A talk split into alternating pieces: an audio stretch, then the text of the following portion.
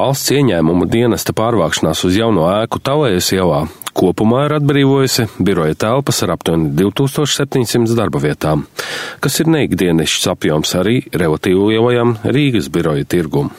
Būtiska daļa - sešas ēkas - pieder valstī, tāpēc atbildība par to, lai tai piedarošās atbrīvotās platības tiktu izmantotas liederīgi, gulstas uz valsti. Par valsts īpašumu apsaimniekošanu atbildīgā akciju sabiedrība valsts nekustamā īpašuma valdes loceklis Andrejs Milzarājs norāda, ka kopumā praktiski visām valstī piedarošajām ēkām jau ir atrasti jauni iemītnieki. Faktiski uz šo brīdi mēs varam uzskatīt, ka esam labi pastrādājuši un, un lielākā daļai faktiski visām ēkām jau, jau ir atrasts potenciālais nākotnes lietotājs.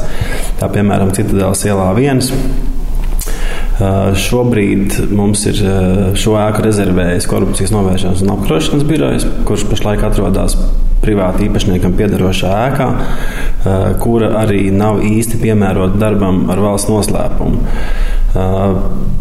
Ēku Citadēlas ielā viens ir apsakojis knāps kopā ar drošības iestādēm, kas veic akreditāciju darbam ar valsts noslēpumu.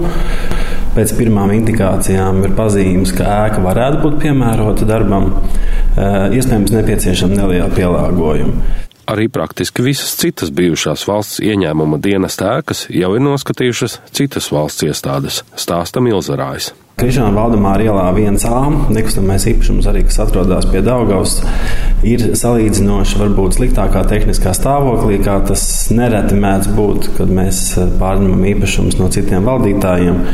Taču arī šim eh, īpašumam ir, ir, ir noteikti rezervācija. To ir rezervējusi iekšlietu ministrijas iekšējā drošības birojas. Valsts nekustamā īpašuma valdes loceklis atklāja, ka, piemēram, ēkā mazajā nometņu ielā savu māju vietu atradīs Rīgas pilsētas zemgales priekšpilsētas tiesa. Savukārt Lomonosovu ielā plāno saimniekot valsts probācijas dienests.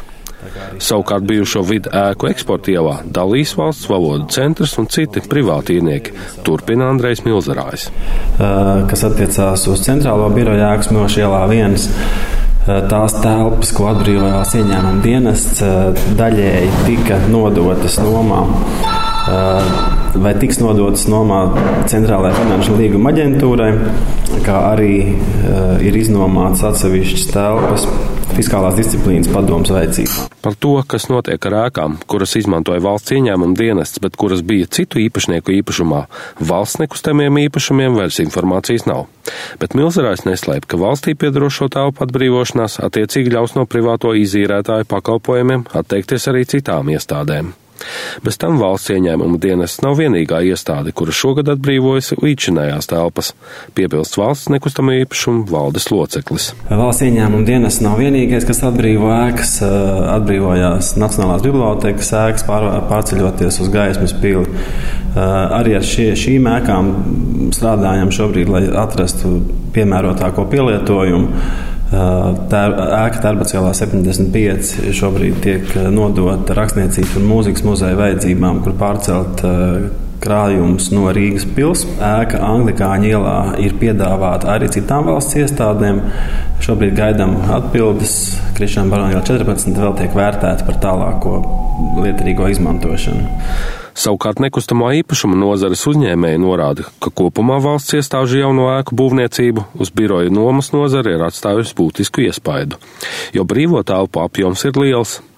Komentē uzņēmuma Latvijā komercīpašumu tirdzniecības nodaļas vadītājs Jānis Šīns. Apjoms ir ļoti liels un tirgus šobrīd uh, ir ceļš tie nav īpašnieki, no kuriem uh, konkrētā iestāde ir aizgājusi. Nu, viņiem uz doto brīdi nav vienkārši atrast uh, jaunas nomniekus. Un uh, to ēku skaits ir diezgan liels un uh, grūti ir komentēt to, uh, kas ir ar valsts struktūrām, kur telpas ir pamatos konkrētā iestāde, bet tas, kas ir privātais sektors, kas pieder uh, fiziskām un juridiskām personām, nu, tas uz doto brīdi šī segmenta tirgu ietekmē diezgan būtiski. Nekustamo īpašumu eksperts gan uzskata, ka vispārēji cenu kritumu apjomīgais atbrīvoto biroju skaits neizraisīs. Tomēr konkrēto telpu īpašniekiem šīs telpas būs jāpiedāvā par zemāku cenu. Kopīgi tirgu kritums diez vai būs, bet nu, konkrēti šo telpu īpašniekiem būs jādod nomniekiem kaut kādu gadu vai divus gadus atlaides, lai tās telpas salīdzinoši ātri varētu aizpildīt, jo tas kopīgais apjoms, kas privātajā sektorā tika atbrīvots, viņš ir 20 un 25 tūkstošiem metru, un tas tā vienā brīdī viss ir tukšs, tad tas ir priekš tirgus, tas ir ļoti liels apjoms. Nemazāk aktuāls jautājums ir arī par valsts izmantoto telpu kvalitāti. Latvijā pārstāvis norāda, ka tirgu ir augsts pieprasījums pēc kvalitatīvi izremontētiem un labi aprīkotiem birojiem, kuriem ir piemēram ventilācijas sistēma un autostāvvieta. Valsts iestāžu atstātās telpas lielākoties šiem kritērijiem neatbilst, paskaidro Šīns. Tas, kas ir viennozīmīgi skaidrs, ka A klasa tā nebija, tur, kur sēdēja konkrētā iestāde, tās pārsvarā bija B un C klases uh, office telpas.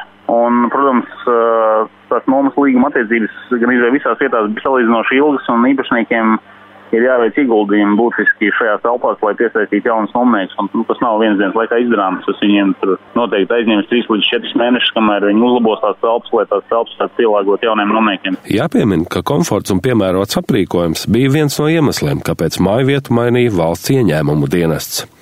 Jaunās ēkas īpašnieku uzņēmuma biroja centrs Ezerparks valdes priekšsēdētājs Kaspars Zāls iepriekš pievērs uzmanību, ka ēka ir tieši pielāgota dienesta īpašajām vajadzībām. Telpas ir izbūvētas tā, lai varētu strādāt ar dokumentiem, kas satur valsts noslēpumu. Pašās telpās sienās ir izbūvētas speciāli metāla loksnes, lai attālināti elektroniski nevarētu nolasīt signālu no datoriem, kad tajā brīdī tiek strādāts ar valsts noslēpumu. Atsevišķi datu tīkls ir izbūvēts un atsevišķi datu centrs speciāli šim nolūkam. Trešā būtiskākā lieta ir piekļuves kontrolas sistēma, kas ir elektroniska visā ēkā, kas nozīmē to, ka ja šī piekļuves sistēmas karte nav izsniegta, tad, tad nevar pa viņu nekur nokļūt un pārvietoties. Savukārt darbiniekiem atbilstoši ieņemamajam amatam ir katram iespēja piešķirt lietotāju tiesības un pārvietoties viņam paredzētajās telpās. Diemžēl visas valsts iestādes šajā ziņā nebūtu nav vienlīdzīgā situācijā, un piemēram, kā intervijā Latvijas radio uzsvēra ģenerālprokurors Ēriks Kalmējers, prokuratūrai šobrīd nākas iztikt ar ēkām sabrukšanas stadijā. Galvenais iemesls tam ir katrai valsts iestādē piešķirtais kopējais finansējums. Gan telpu jautājums paliks tādā pat stāvoklī.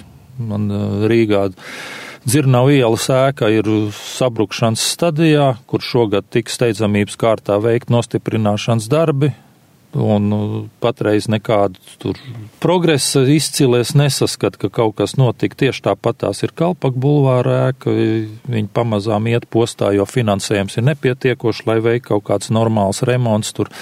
Ogres prokuratūras ēka ir diezgan kritiskā stāvoklī, Ventspilī ēka ir diezgan kritiskā stāvoklī, tur gan ir paredzēta renovācija, bet tas viss patreiz tiek bīdīts aizvien tālāk, tālāk finanšu līdzekļu trūkuma dēļ, tā kā patreiz tālāk par solījumiem nekur neesam tikuši. Jā, funkcijas izpildīsim, bet arī progresa nekāda nu, uzlabojuma materiāla tehniskajā jomā es neparedzu. Arī valsts nekustamo īpašumu rīcībā nav tik daudz līdzekļu, lai saviem spēkiem spētu salabot valsts iestāžu novecojumu novecojušās ēkas, un neatliekamākajiem remontiem nākas pieprasīt naudu no valsts budžeta līdzekļiem neparedzētiem gadījumiem.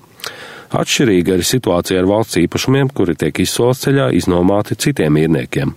Šo telpu izīrēšana Rīgā valsts nekustamajiem īpašumiem nodrošina peļņu, atklāja Milzarājs. Jā, šobrīd mēs uzskatām, ka mūsu rādītāji ir pietiekoši labi Rīgā. Mums uh, nav pārāk daudz brīva telpa, un, un tas process ir ļoti dinamisks. Nāk, nāk uh, jauni vietā, nomnieki, daži varbūt iet projām, dažādu iemeslu pēc, bet uh, šobrīd mēs uzskatām, ka mūsu, mūsu bilants ir salīdzinoši pozitīva. Jā, valsts nekustamā īpašums rāda ar peļņu. Arī no šīs nomas. No, no, arī no, tieši tā no šīs nomas, protams, mūsu, kas rada mūsu zaudējumus, tas ir nerentablu objektu uzturēšana. Uh, arī ārpus Rīgas pilsētas. Latvijā pārstāvis Jānis Šīns valsts nekustamos īpašumus raksturo kā pamanāmu spēlētāju biroju īres tirgū. Tomēr ir pārliecināts, ka sadarbojoties ar nekustamā īpašuma uzņēmumiem, valsts nekustamā īpašuma pārvaldnieks varētu strādāt labāk. Viņš ir būtisks spēlētājs, tāpēc viņam diezgan liels tas nekustamā īpašuma fonds, bet viņš kā spēlētājs gluži tirgu nav, viņš ir kā atsevišķs tirgus dalībnieks, jo valsts uh, nepiesaista nevienu starpnieku tirgu, lai piesaistītu uh, nomnieks, jo viņi pēc iepirkuma procedūras nevar nevienam maksāt atlīdzību uh, tirgus dalībniekiem. Līdz ar to Nu, viņa mājaslapā regulāri stāv ļoti daudz piedāvājumi par telpu iznomāšanu, bet nu, neviens no nekustamā īpašuma tirgus dalībniekiem nu, kā, kā netiek iesaistīts. Es domāju, ja valsts iesaistīts privātās struktūras, nekustamā īpašuma firmas nomnieku piemeklēšanā, tas rezultāts būtu krietni labāks viņiem. Tad pusi centra īpašumu nestāvētu tukši, kā viņi stāv šobrīd, tas pieder valstī. Valsts nekustamo īpašumu pārvaldītājs tomēr uzsver, ka priekšstats par it kā lielo skaitu neapsaimniekoto valsts ēku ir maldīgs, jo neizmantotās ēkas tiek pārdotas.